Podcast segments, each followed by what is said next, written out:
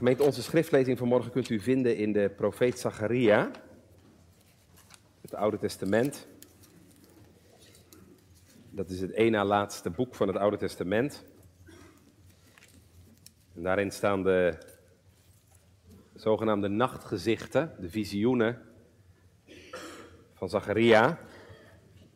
Het zijn er in totaal acht. En ik wil bij één van deze visioenen stilstaan. Dat is het vijfde nachtgezicht van Zacharia. En u kunt dat beschreven vinden in Zacharia 4. Het vijfde nachtgezicht van Zacharia. Zacharia 4, vers 1 tot en met 14. Zal u worden voorgelezen uit Gods heilig woord. En de engel die met mij sprak kwam terug en hij wekte mij, gelijk een man die uit zijn slaap gewekt wordt. En hij zei tot mij, wat ziet u? En ik zei, ik zie en zie een kandelaar, geheel van goud. Een oliekruikje aan de bovenkant ervan en daarboven zeven bijbehorende lampen. Die lampen hadden zeven en zeven pijpen die daarboven zitten. En twee olijfbomen ernaast, één aan de rechterkant en één aan de linkerkant van het oliekruikje. En ik antwoordde en zei tot de engel die met mij sprak, mijn heren, wat betekenen deze dingen? Toen antwoordde de engel die met mij sprak en zei tot mij, weet u niet wat deze dingen betekenen? En ik zei, nee, mijn heren. Toen antwoordde hij en sprak tot mij, zeggende, dit is het woord van de heren tot Serubabel, zeggende, niet door kracht, noch door geweld, maar door mijn geest zal het geschieden, zegt de Heere van de legermachten. Wie bent u, o grote berg, voor het aanzicht van Zerubabel, zult u worden tot een vlak veld, want hij zal de hoofdsteen voortbrengen om de luidgeroep. Genade, genade, zei hem. Het woord van de Heere geschiedde verder tot mij, zeggende, de handen van Zerubabel hebben dit huis gegrondvest. Zijn handen zullen het ook voleinden, omdat u weet dat de Heere van de legermachten mij tot u gezonden heeft. Want wie veracht de dag van de kleine dingen, daar zit toch die zeven verbijden zullen, als ze het tinnengewicht zullen zien in de hand van Jerubabel, dat zijn de ogen van de Heere die over heel de aarde trekken. Verder antwoordde ik en zei tot hen, wat betekenen die twee olijfbomen aan de rechterzijde van de kandelaar en aan de linkerzijde? En voor de tweede keer antwoordde ik en zei tot hen, wat betekenen die twee olijftakken, welke in de twee gouden kruiken zijn, die gouden olie uit zich laten weglopen? En hij sprak tot mij, zeggende, weet u niet wat deze zijn? En ik zei, nee, mijn heren. Toen zei hij, deze zijn de twee olietakken, welke voor de heren van heel de aarde staan. Ik wil dus gemeente vanmorgen stilstaan bij dit vijfde visioen, vijfde nachtgezicht van de profeet Zacharia. En het thema van dit hoofdstuk is Gods werk gaat door. Gods werk gaat door. Ik wil dat uitwerken in een drietal punten. Gods werk gaat door omdat hij werkt door zijn geest. Niet door kracht, niet door geweld, vers 6, maar door mijn geest zal het geschieden. In de tweede plaats, Gods werk gaat door omdat hij regeert. En in de derde plaats, Gods werk gaat door omdat hij mensen wil gebruiken. Wat is er toch aan de hand in Nederland? Gemeente, het viel de NOS zelfs op. Wat is er toch allemaal aan de hand in Nederland? Er stond een eh, berichtje vorige week op de website van de NOS. Crisis stapelen zich op. Ik lees u even voor. Vorige week maandag besloot het kabinet om de kolencentrales toch weer harder te laten draaien vanwege de gascrisis. Woensdag hadden we boerendemonstraties vanwege de stikstofcrisis. Vorige week vrijdag vergaderden de burgemeesters over de asielcrisis. En dan hadden we ook al, zoals u weet, een woningcrisis en een klimaatcrisis. En dan heb ik het gemeente over de kerk nog helemaal niet gehad. Want ook in de kerk in Nederland lijkt het crisis. kwam vorige week een collega tegen, ergens uit het midden van het land. Die tegen mij zei: Joh, ik weet, ik weet echt niet meer wat er aan de hand is. S'morgens komen ze nog wel. Maar smiddags, de een luistert lekker thuis. En de ander gaat er lekker op uit. Het lijkt wel gemeend alsof we door corona losgeslagen zijn van onze fundamenten. En als we denken dat het bij onze evangelische broeders en zusters beter is, nou vergeet het maar. Ik las vorige week een berichtje in het RD van een evangelische voorganger die in gemeente spreekte, waar nog maar de helft zat van voor corona. Nou, dan zou de moed je toch in de schoenen zinken. En daarom is het zo belangrijk, gemeente, dat wij bij het woord te raden gaan, het woord van God. Want dat is de enige remedie die ons kan helpen om de moed niet in de schoenen te laten zakken. Want het woord van God laat ons zien, Gods werk gaat door. Ook in moeilijke tijden. Ook wanneer je je soms heel gedesillusioneerd kunt voelen. Ook wanneer de tegenkrachten sterk zijn, gaat de Heere door. En dat heeft de Heer aan de profeet Zacharia laten zien. Om hem te bemoedigen in zijn tijd, maar ook als bemoediging voor de kerk van alle tijden en eeuwen, dat God doorgaat met zijn werk. Nou, om dit gedeelte gemeente Zacharia 4 te begrijpen, moet ik denk ik eerst even een en ander uitleggen. Moet je eerst denk ik even wat weten over de situatie waarin Zacharia verkeerde. Wie was Zacharia? Zacharia was een van de profeten die leefde na de 70-jarige ballingschap. De Joden waren inmiddels weer teruggekeerd naar hun eigen land. Zacharia zelf trouwens ook meegekomen met die ballingen, die onder leiding van de landvoogd Serubabel weer terugkeerden naar Israël. En die eerste groep teruggekeerde gemeenten die stond natuurlijk voor een hele zware opgave. Die moesten die hele verwoeste stad Jeruzalem weer opbouwen. Als ook de tempel, het huis van God. Het waren dus echte pioniers. Maar pioniers zijn vaak mensen met veel inzet en doorzettingsvermogen. En zo zijn ook de Joden heel dapper en moedig weer begonnen met de herbouw van stad en tempel. onder leiding van Zerubabel, de landvoogd, en Jozua, de hoge priester, eh, begonnen ze al gauw weer om de tempel in Jeruzalem op te bouwen. Maar gemeente, dan beginnen de moeilijkheden. Want pionieren is mooi, maar het is soms ook knap lastig. En moeilijk. kunt u allemaal lezen in het boek Ezra, hè? Er komt namelijk tegenstand tegen die herbouwplannen. Tegenstand van buitenaf. De Samaritanen proberen de bouw van de tempel tegen te werken. Ze gaan klagen bij de koning, bij de koning van Perzië. En dat leidt er uiteindelijk toe dat de tempelbouw op last van de koning stilgelegd moet worden. En gemeente, dan gebeurt het. Dan zakt de moed, dan zakt de moed hen in de schoenen. Kun je je voorstellen, hè?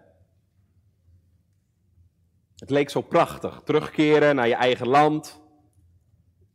Nieuwe start maken, nieuwe toekomst beginnen. Maar nou lijkt die mooie droom als een zeebel uit elkaar te spatten. En de mensen gaan denken, wat, wat lijkt er nu van die mooie beloftes van de profeten waar te worden? die beloftes van herstel en vernieuwing na de ballingschap. Want kijk eens, ze staan nog steeds onder de heerschappij van de koning van Perzië.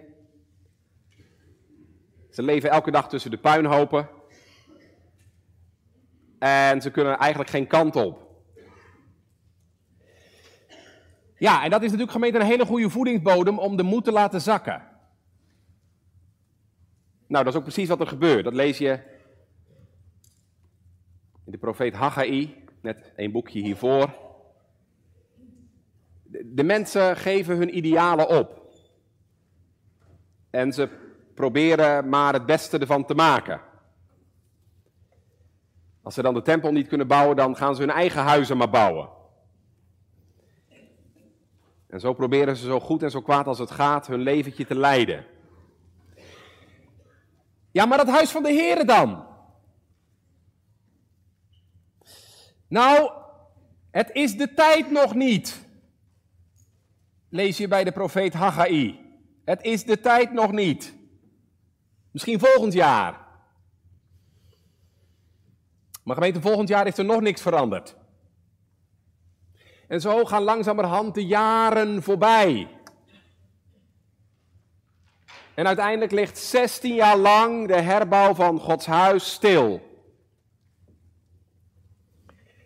Die nieuwe fundamenten die al zo mooi gelegd waren, die zijn inmiddels helemaal overwoekerd met onkruid.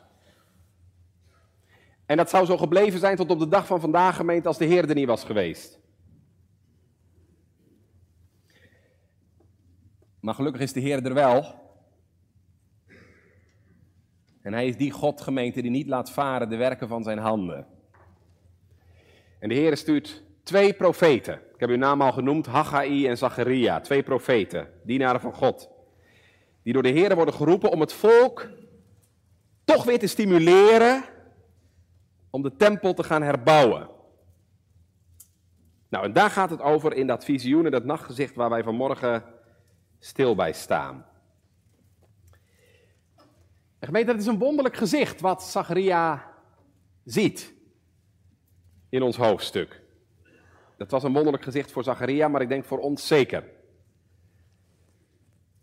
En daarom moet ik denk ik ook daar iets over zeggen. Ik uh, heb hier een spaarlamp boven mijn hoofd, zie ik. Wij hebben thuis TL-buizen, LED-lampjes, allerlei soorten elektronische verlichting. En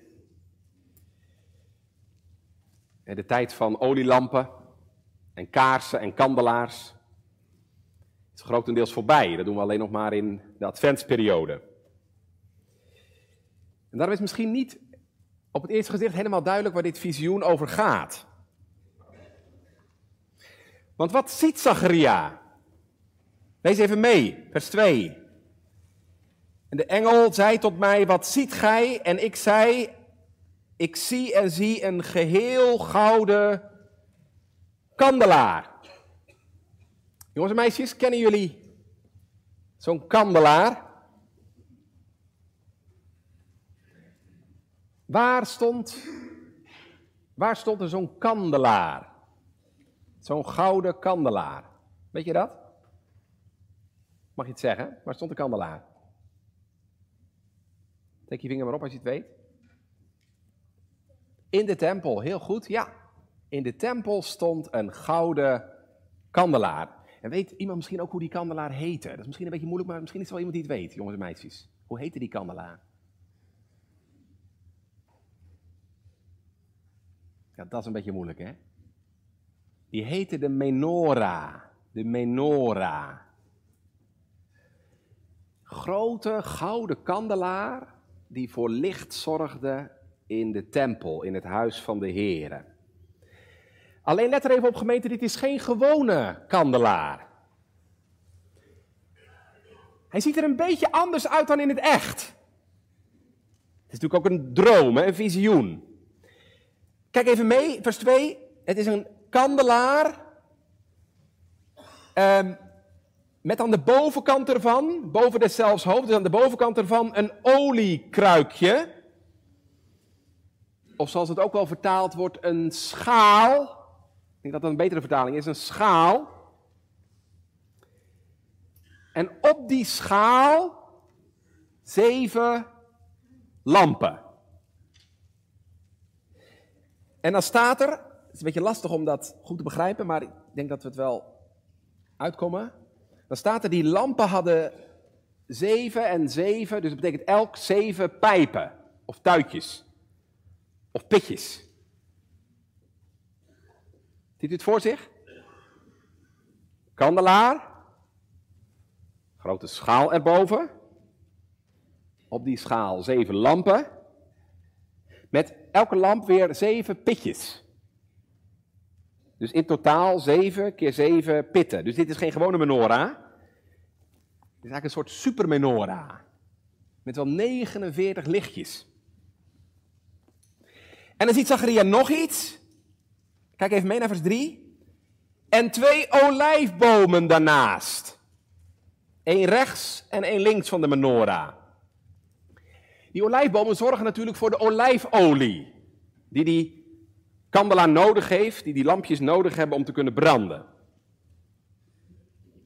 Er zit ook nog een betekenis aan, daar kom ik aan het eind nog even op terug. Wat die twee bomen betekenen. Maar laten we eerst even de vraag stellen: wat betekent dit nu? Deze kandelaar. Nou, ik vroeg net aan de kinderen, waar stond de menorah? En dat wisten ze, in de tempel. Dus wat Zacharia hier ziet, gemeente, dat heeft dus alles te maken met de tempel. En ik zei net, de tempelbouw hè, lag helemaal stil. Maar de Heer wil dat die tempel herbouwd wordt. Wie moet dat gaan doen? Nou, dat leest u in vers 6. Zerubabel. Ik zei al, Zerubabel was de leider, de landvoogd van het Joodse volk. Na de ballingschap. Hij is de man die verantwoordelijk is voor de herbouw van de tempel. En daarom krijgt Zacharia hier van de Here dus een boodschap bestemd voor Zerubabel. Kijk maar, vers 6. Dit is het woord van de Here tot Zerubabel, zeggende, niet door kracht, niet door geweld, maar door mijn geest zal het geschieden, zegt de Heere der Heerscharen. Nou, u hoort in die boodschap van de Heer voor Zerubabel twee dingen. Een positieve kant en een negatieve kant. want de Heer zegt aan de ene kant, Zerubabel, niet door kracht, noch door geweld. Dus Zerubabel, dat die tempel straks klaarkomt, dat is geen mensenwerk. Er zijn natuurlijk wel mensen voor nodig. Maar het is niet het resultaat van hun inspanning. Nou, dat hebben ze de afgelopen 16 jaar toch wel gezien, hè? Want ze waren niet bij macht om de tempel te herbouwen. Dat de tempel herbouwd wordt, dat komt alleen door hulp van buitenaf. Het is eigenlijk net zoals die kandelaar, die menorah. Zoals die kandelaar alleen kan branden door hulp van buitenaf, hè, door de toevoer van de olie uit die olijfbomen, zo zal ook de realisering van de tempel alleen tot stand komen met hulp van buitenaf. Door de machtige werking gemeente van de Heilige Geest. Niet door kracht, niet door geweld, niet door menselijke inzet en prestatie, maar door mijn geest zal het geschieden. Nou, dat is mijn eerste aandachtspunt van morgen. Gods werk gaat door. Waarom? Omdat hij werkt door zijn geest. Dat is een heel belangrijke lesgemeente die Zacharia hier aan Zerubabel mag doorgeven. Het is alleen door Gods geest dat Gods werk doorgaat. Dat was in Zacharias tijd en dat is natuurlijk vandaag niet anders. Want gemeente, zonder Gods Heilige Geest bereiken wij helemaal niks. Of dat nou je persoonlijk leven betreft, of dat nou het gemeenteleven betreft, zonder de Heilige Geest bereiken wij helemaal niets. Begin maar gewoon bij jezelf, bij je eigen leven. Wij hebben geen enkele kracht om met de zonde te breken zonder de Heilige Geest. Wij hebben geen enkele kracht om in de wegen van de Heer te wandelen zonder de Heilige Geest. Wij hebben geen enkele kracht om onszelf te veranderen of andere mensen zonder de Heilige Geest. De gemeente, dat geldt ook voor alles wat hier in de gemeente gebeurt. En wij kunnen preken en u kunt preken horen. En we kunnen categorisatie geven en club en zondagschool en, en bijbelstudie doen. Maar vergeet nooit, zonder de Heilige Geest gebeurt er niets. Wij kunnen planten, zegt Paulus. Wij mogen nat maken, maar het is altijd God die de groei geeft. Geloof je dat? Nou, maar eerlijk zijn. We hebben vaak best nog wel verwachting van onszelf. En van onze inzet, toch? Hoe vaak overkomt het me niet dat ik op mijn fiets zit? Als ik ergens naartoe moet en ineens bedenk, ik ben helemaal vergeten om te bidden voor dit pastorale gesprek. Of je wilt misschien op vrijdagavond club gaan doen, maar heb je de Heer ook gebeden om hulp? Of als hij zondagmiddag zondagschool gaat geven, heb je de Heer gebeden om geduld, om liefde, om wijsheid en creativiteit, om de kinderen en hun harten te bereiken. Wat hebben we vaak weinig besef, gemeente, van onze absolute totale afhankelijkheid. Met als gevolg dat we vaak steunen op ons eigen inzicht, onze eigen talenten, ons eigen kennen en kunnen, maar niet op de Heer. Maar nu leert de Heer ons vanmorgen niet door kracht, niet door geweld, niet door jouw inzet, maar door mijn geest zal het geschieden. Ik doe het. Die tempel die komt er. En dat is niet door Zerubabel op de eerste plaats. Of door de inzet van het Joodse volk. Maar dankzij de Heer. Daar zorgt Hij voor. En gemeente, ik ben ervan overtuigd dat geldt niet alleen maar voor de Oud-testamentische tempel, dat geldt net zo goed voor de Nieuw-testamentische tempel. de gemeente van God. Daar zorgt de Heer voor. Gelukkig maar. Ik zal mijn gemeente bouwen. En de poorten van de hel zullen haar niet overweldigen. Niet onze kracht, niet onze inspanningen. Maar door mijn geest zal het geschieden. En gemeente, dat is niet alleen maar een vermaning om het vooral maar niet van jezelf te verwachten. Maar deze woorden mogen vanmorgen vooral ook horen als een belofte van de Heer. Ik doe het, Babel. Ik hou mijn werk in stand. Dat is ook een belofte. En wat wij dan moeten leren, gemeente, is om afhankelijk te zijn van Hem. Dat is een les die elke christen moet leren en die ook steeds weer opnieuw moet leren. Zonder mij kunt gij niets doen. En ik geloof, gemeente, hoe meer je die les hebt begrepen, dat je het zonder de Heer niet kunt, dat het niet door jouw kracht en inspanning geschiet, maar door zijn geest, hoe meer je dat hebt begrepen, hoe meer u ook uw handen zult vouwen. En de Heer zult vragen om zijn hulp en kracht. Daar gaat het om. Daar wil de Heer ons hebben. Dat je niks verwacht van jezelf, maar het verwacht van de Heer. Er is nog iets, gemeente, waar Zerubabel zich door bemoedigd mag weten. Als hij straks voor die grote klus staat om de tempelbouw te voltooien. En dan kom ik bij mijn tweede punt vanmorgen. Gods werk gaat door, niet alleen maar omdat hij werkt door zijn geest, maar ook omdat hij regeert. De Heere regeert. En dat is de reden dat zijn werk doorgaat. God heeft alle dingen in zijn hand. En daar wil de Heer Zerubabel ook mee bemoedigen. Zerubabel, al werken die Samaritanen jou tegen, en al is de koning in Perzië jou niet gunstig gezind, daar sta ik boven. En ik zal de dingen zo leiden en besturen dat die tempel er komt. Kijk dus even mee wat de Heer zegt. In vers 8 en 9. Vers 9. De handen van Zerubabel hebben dit huis gegrondvest. En dat was al gebeurd, had ik gezegd, hè, 16 jaar geleden, toen het fundament is gelegd. De handen van Zerubabel hebben dit huis gegrondvest. Zijn handen zullen het ook voleinden, voltooien. Dus God weet nu al dat dat gaat gebeuren. En waarom? Waarom weet God dat nu al? Ja, omdat Hij regeert. Omdat Hij alle dingen in zijn hand heeft. En dat Hij daarom alle dingen ook kan sturen zoals Hij wil. Wat een geweldige bemoediging voor Zerubabel. De Heere regeert. En niet de koning in Perzië. En gemeente, die wetenschap dat God regeert, betekent altijd twee dingen.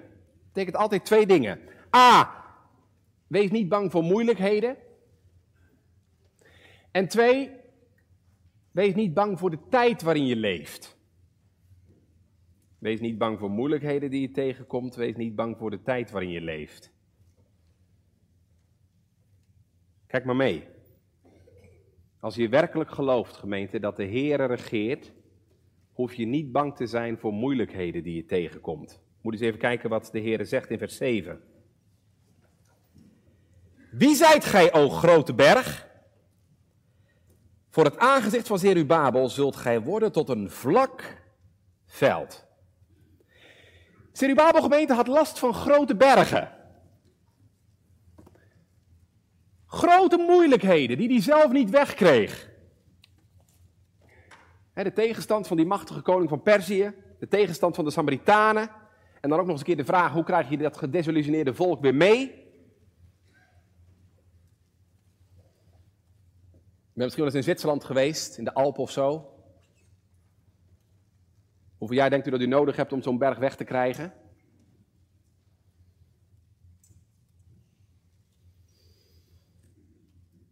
Ga er maar aan beginnen, hè? Ga je niet lukken. Maar gemeente, wat ons niet lukt, lukt God wel. Hij die de bergen geplaatst heeft, kan ze net zo makkelijk weer aan de kant zetten. Hij die moeilijkheden op je pad brengt, kan ze ook weer weghalen. En God zegt dat zal gebeuren. En dat ziet Zacharia. Kijk maar nog even naar vers 7. Daar ziet hij nu al wat er straks gaat gebeuren. Lees even mee. Wie zijt gij, o grote berg, voor het aangezicht van Zerubabel zult geworden tot een vlak veld? En dan komt het.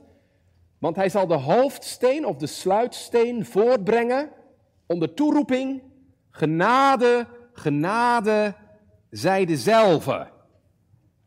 Nou, dat is precies wat er een paar jaar later is gebeurd. Toen is de tempel voltooid, is de tempel klaargekomen. En toen heeft Zerubabel als landvoogd de sluitsteen mogen leggen. En al die mensen die nu zo gedesillusioneerd en zo pessimistisch zijn, die denken dat dat nooit meer gebeuren zal, die staan dan enthousiast te roepen. Die roepen dan enthousiast om Gods genade en Gods zegen voor die nieuwe tempel. Genade, genade, zij dezelfde.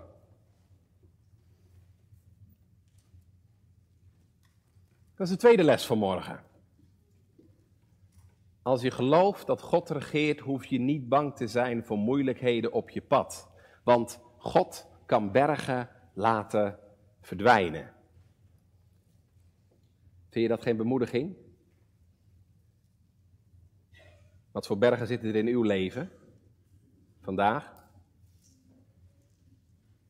Er zijn er onder ons die kijken tegen de berg van ziekte op. Er zijn er die nu meeluisteren die tegen de berg van de dood aankijken. Of jij zit misschien met een berg aan financiële zorgen. Nee, en u hoort mij niet zeggen dat God die zorg altijd wegneemt. En toch, gemeente, kan de Heer ervoor zorgen dat die ziekte waar je nou zo mee worstelt, of de dood waar je nu zo bang voor bent, dat de angst ervoor verdwijnt. Is dat geen wonder? Als dingen waar jij niet overheen kon zien, als je die met Gods hulp wel onder ogen kunt zien, dan is er toch een berg slecht. Er kunnen ook andere bergen zijn in je leven. Bergen van zonde die je aanstaren. Dingen in het verleden die gebeurd zijn en die je nooit meer goed kunt maken. Het gevoel dat God mijlenver weg is in je leven. Uw onvermogen om zich van harte aan de Heer over te geven. De macht van verborgen zonden die je leven in de greep nemen en die in de weg staan om de Heer te dienen en te volgen. Zoveel bergen, gemeente. Ik kan zo voorstellen dat u dat rijtje kunt aanvullen met andere bergen uit uw leven. Maar dan mag ik u vanmorgen, gemeente van Arnhemuiden, met deze woorden bemoedigen. We hebben een God die bergen vlak maakt. En nou de vraag aan u, gelooft u dat de Heer dat in uw leven ook kan doen?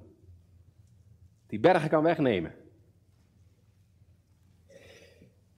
Ik mag u vanmorgen zeggen, gemeente, de God van Zerubabel, die bergen vlak maakt, leeft ook vandaag. En wat jij niet kunt, kan hij wel. En voor hen die het heil des Heren wachten, zijn bergen vlak en zeeën droog. Er is nog iets. Dat God regeert, gemeente, betekent niet alleen dat je niet bang hoeft te zijn voor moeilijkheden op je pad. Het betekent ook in de tweede plaats dat je ook niet bang hoeft te zijn voor de tijd waarin je leeft. Ja? Dus dat God regeert betekent ook dat je niet bang hoeft te zijn voor de tijd waarin je leeft. Zacharia kwam heel veel mensen tegen in zijn tijd die gedesillusioneerd waren. En die zeiden, ik moet het allemaal maar eens zien of het wel wat wordt. Is het nu wel de tijd om de tempel te herbouwen?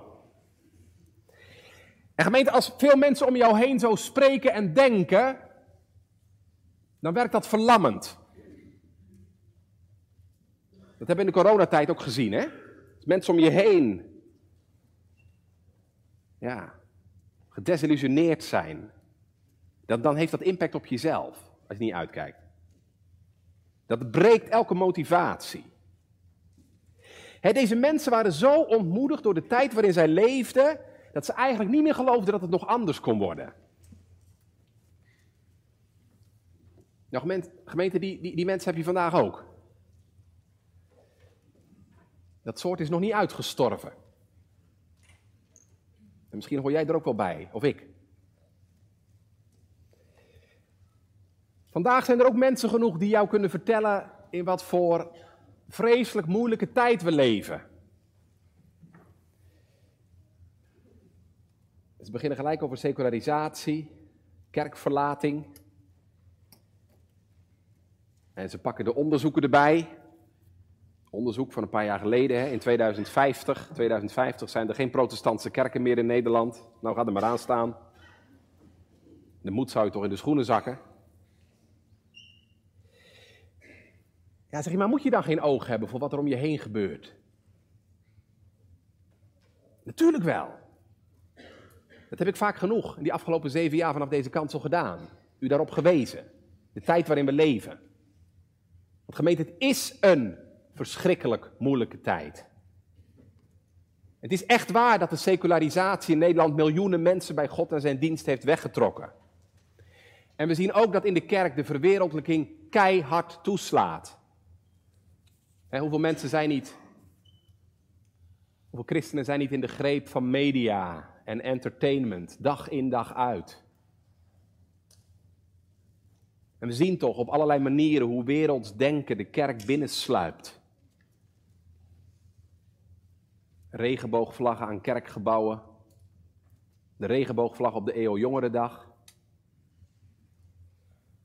En, en wat een slapheid en oppervlakkigheid in de kerk. Als we zien voor hoeveel mensen corona al genoeg bleek om hun plek in de kerk op te geven. Natuurlijk zijn dat dingen die zorgen baren. Waardoor je kunt denken, hoe moet het toch, oh God, met uw kerk? Vandaag in Nederland. De tijd waarin wij leven. En, en voordat je het weet kun je zomaar moedeloos of apathisch worden. En toch gemeente, hoe begrijpelijk dat ook is, en hier staat een dominee die er vaak genoeg last van heeft. Toch is dat niet goed. Ja, er zijn zorgen. En het is nodig en belangrijk om oog te hebben voor wat er allemaal om je heen gebeurt. Maar gemeente, daar mogen wij niet stoppen. Daar mogen wij niet stoppen, want dan zijn we net zo bezig als die mensen in Zacharias tijd.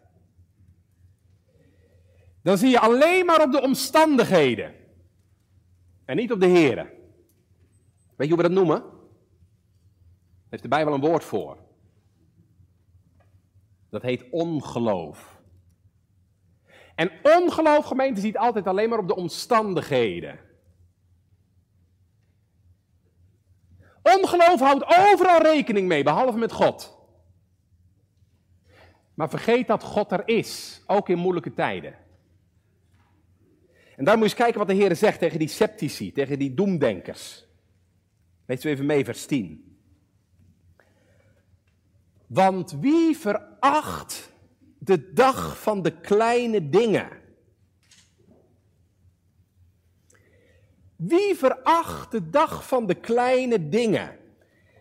Ja, de tijd van Zacharia gemeente, dat was natuurlijk geen grootste tijd.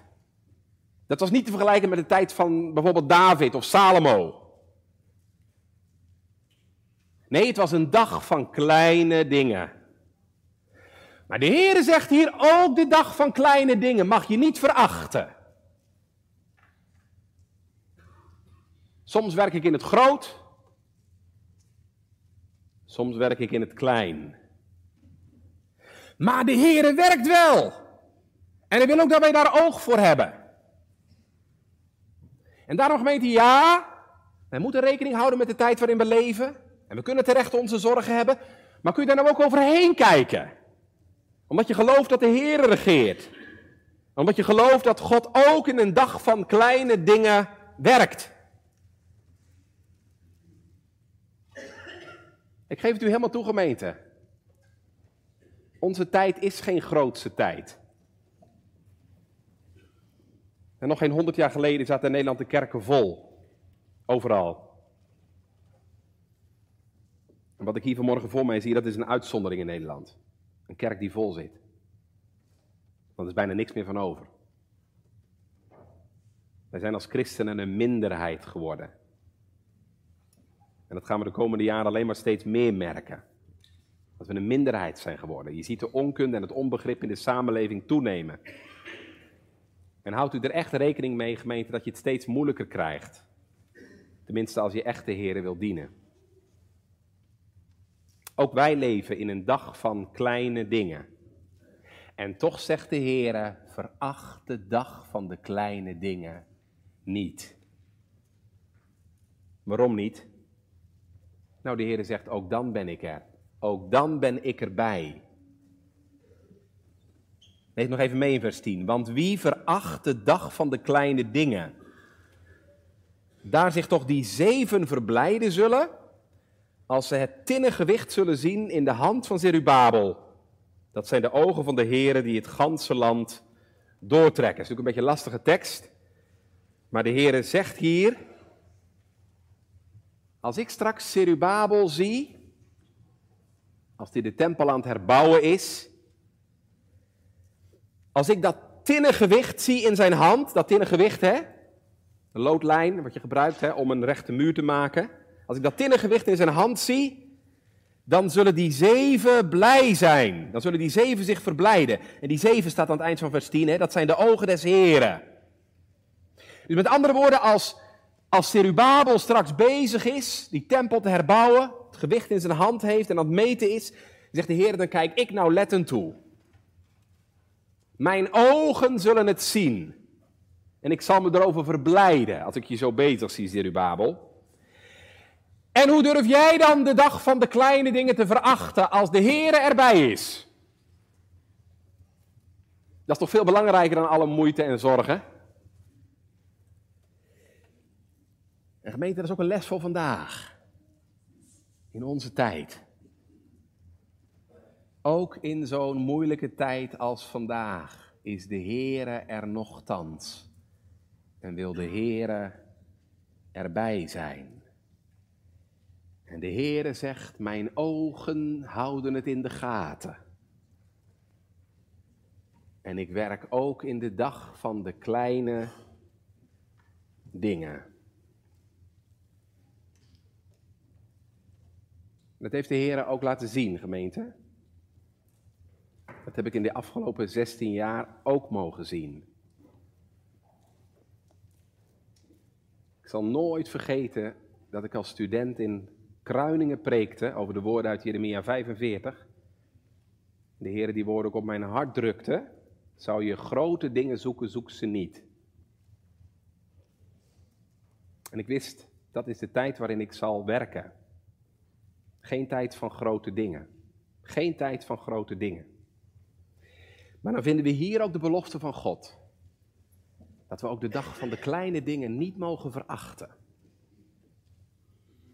Omdat Hij erbij is en nogthans werkt. En dat heb ik ook in die afgelopen 16 jaar mogen zien. Niet alleen maar dat je mensen kwijtraakte.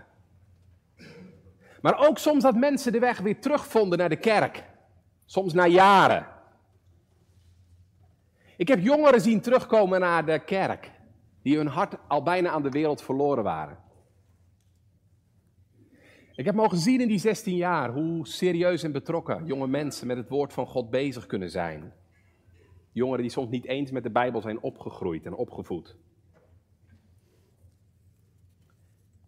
Ik zat vorige week ergens te lunchen. En ik zat naast een buitenlandse jongen. Donker getint. We kregen een gesprek. En het bleek dat hij uit Irak kwam. De jongen was in 2008, 14 jaar geleden, hier in Nederland terechtgekomen. En hij vertelde mij hoe hij in het AZC, in het asielzoekerscentrum, in Drenthe, Hogeveen, de Bijbel was gaan lezen. En hoe hij tot geloof was gekomen. En die jonge gemeente bleek een ongelooflijke kennis van Gods woord te hebben. 14 jaar in Nederland. Vloeiend Nederlands. Ik vroeg even uit nieuwsgierigheid. Hij vertelde dat hij veel las. Wat lees je dan graag? Wat lees je dan graag? Weet je wat hij zei? De redelijke godsdienst. De redelijke godsdienst van Abrakel. Jongen uit Irak. Hier in Nederland terechtgekomen. In de greep van Gods woord. Veracht de dag van de kleine dingen niet, want ook dan wil God werken. Zullen we ons niet te veel bang laten maken, gemeente, door alle moeilijkheden en door de tijd waarin we leven? Zullen we ons voornemen om op de Here te blijven zien? Die toch beloofd heeft, ik ben met u al de dagen tot de voleinding der wereld. God is getrouw. Zijn plannen falen niet. Die het heden kent, de toekomst overziet, laat van zijn woorden geen ter aarde vallen. En het werk der eeuwen dat zijn geest omspant, volvoert zijn hand. Dat vraagt natuurlijk wel geloof. En wat is geloof? Geloof is ten diepste niet anders dan helemaal afhankelijk zijn van de Heer. Het alleen nog maar van Hem willen verwachten. En op Hem je vertrouwen stellen. En dan ook, en dat is het laatste, dan ook gemeente je door Hem willen laten gebruiken. Gaan we naar ons laatste puntje. We hebben gezien, Gods werk gaat door omdat Hij werkt door zijn geest. Niet door kracht, niet door geweld, maar door mijn geest zal het geschieden. Gods werk gaat door omdat Hij regeert en erboven staat. En tenslotte, Gods werk gaat door omdat Hij mensen wil gebruiken. En dan kijk ik nog even met u naar de laatste paar versen van dit hoofdstuk. Want weet u nog, Zacharia zag niet alleen maar een kandelaar. Wat zag hij nog meer, jongens en meisjes? Hij zag ook twee bomen, hè? Vers 14. Olietakken staat daar, maar het zijn olijfbomen. Vers 12, hè? Olijfbomen. En die olijfbomen, zei ik straks, die zorgen natuurlijk voor de olie. En is het wonderlijke, die kandelaar en die twee bomen, die zijn met elkaar verbonden. Er loopt een pijpje, een leiding, er loopt een leiding van die boom naar die kandelaar. Die kandelaar krijgt dus een olie uit die bomen. Daarom kan die branden. Dus even samenvattend, dat die kandelaar brandt, dat die tempel er dus toch komt straks, dat komt dus uiteindelijk vanwege die twee bomen. Maar wat betekent dat? Zacharia weet dat niet. En daarom vraagt hij het aan de engel die bij hem is. En die engel zegt, vers 14, deze zijn de twee olietakken die voor de Heere der ganse aarde staan. Olietakken, heel letterlijk staat er in het Hebreeuws zonen van olie, zonen van olie. Verschillende Bijbelvertalingen vertalen het dan ook wel met gezalfden. Gezalfden. Het zijn de twee gezalfden die bij de Heren der ganse aarde staan. Dan zijn wij natuurlijk benieuwd wie zijn die twee zonen van olie, die twee gezalfden. De meeste Bijbeluitleggers denken hier aan Zerubabel en Jozua, de gouverneur en de hoge priester die verantwoordelijk zijn voor de herbouw van de tempel. Sommige andere Bijbeluitleggers denken ook wel aan Zacharia en Haggai, de twee profeten van de Heren. Maakt ook niet zo heel veel uit. Hè? In elk geval, het zijn mensen, het zijn mensen dus die de Heere gebruikt in zijn dienst. Het zijn de mensen die de Heere gebruikt om zijn koninkrijk te bouwen. want dankzij hun inzet, Zerubabel, Jozua, Haggai, Zacharia, dankzij hun inzet zal die tempel er straks komen en kan dat licht op de kandelaar branden. En dat is onze laatste les van morgen. Gods werk gaat door omdat hij mensen wil gebruiken. We hebben dus aan de ene kant gezien vanmorgen, hè? het is Gods werk dat die tempel er komt. Niet door kracht, niet door geweld, maar door mijn geest zal het geschieden. Maar we zien tegelijkertijd, daar gebruikt de Heer dus mensen bij. En wat voor mensen zijn dat? Gezalfden. Zonen van olie. Mensen, gemeente die gezalfd zijn met de olie van de Heilige Geest. En die daarom, omdat ze gezalfd zijn met de Heilige Geest, dit werk, dit belangrijke werk kunnen doen. God gebruikt mensen die zich afhankelijk weten van de Heilige Geest. En gemeente, zolang er zulke mensen zijn, hoef je niet te vrezen. Zolang er zulke mensen zijn die gezalfd en vervuld zijn met de Heilige Geest, zal God ook werken in de dag van kleine dingen. En dat is de vraag die wij vanmorgen aan elkaar moeten stellen. Kan God mij gebruiken? Kan God mij gebruiken? Kan God jou gebruiken omdat jij gezalfd bent met de Heilige Geest? Kan God u gebruiken omdat u afhankelijk bent van Hem en omdat u voortdurend bidt om Zijn hulp? Omdat u zich voortdurend laat vervullen met Zijn geest? Gemeente, laten we daarom bidden, voor onszelf en voor elkaar. Bid voor uw ambtsdragers. Bid voor alle die leiding geven in de gemeente. Bid voor uw predikanten. Dat zij zonen van olie mogen zijn gezalfd met de olie van de Heilige Geest. Want weet u, als wij vervuld mogen zijn met de Heilige Geest, zullen anderen daar altijd de zegen van ervaren. We gaan eindigen. De tempel in Jeruzalem komt er.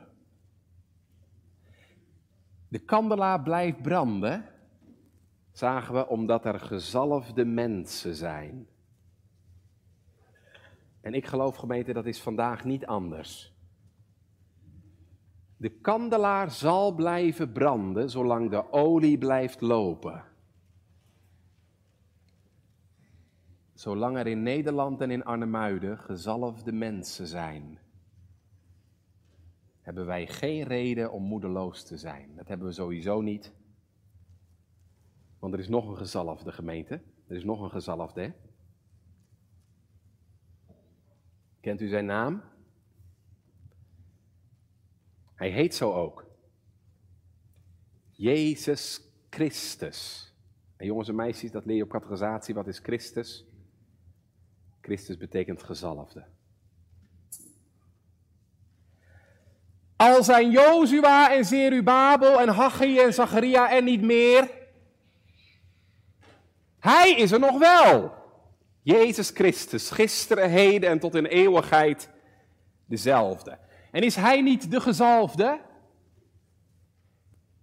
Is hij niet vol van de Heilige Geest? Heeft hij niet de Geest ontvangen zonder mate? Ja, hij heeft de geest ontvangen, gemeente, in overvloed. En van die overvloed deelt hij uit, ook vandaag. En als je nou verbonden bent met hem, deze gezalfde, Jezus Christus, gemeente, dan blijft de kandelaar branden. Dan zal de Heer Jezus voor zijn gemeente zorgen. Ook in de dag van kleine dingen. God zorgt voor zijn kandelaar. Maar ik zeg er wel gelijk bij, gemeente: de kandelaar kan alleen optimaal licht geven als alle lampjes branden. Als alle lampjes branden. Weet je het nog? Op de kandelaar zaten 49 pitjes. En die moesten allemaal branden. Hier in Arnhemuiden zijn er heel wat meer dan 49 en nog wel meer dan 490. Maar de vraag is, brandt uw lampje? Of doet jouw lampje het niet? Of bid dan de Heer dat hij ook jouw lampje laat branden. En gemeente, als het al brandt, bid dat het nog beter mag branden en nog meer licht mag geven. Hoe meer olie je ontvangt, hoe meer de Heilige Geest in je werkt, hoe meer licht je kunt geven. Dus als u nou verlangt dat uw lampje gaat branden, of nog beter gaat branden, heb ik maar één advies: ga tot Christus. Die gisteren, heden en tot in eeuwigheid dezelfde is. Wij hebben ook vandaag een gezalfde die bij de Heere staat en die ook vandaag mensen wil vervullen met de olie van zijn geest. Zodat ook in Arnhemuiden de kandelaar kan blijven branden. Niet door kracht, niet door geweld, maar door zijn geest. Amen.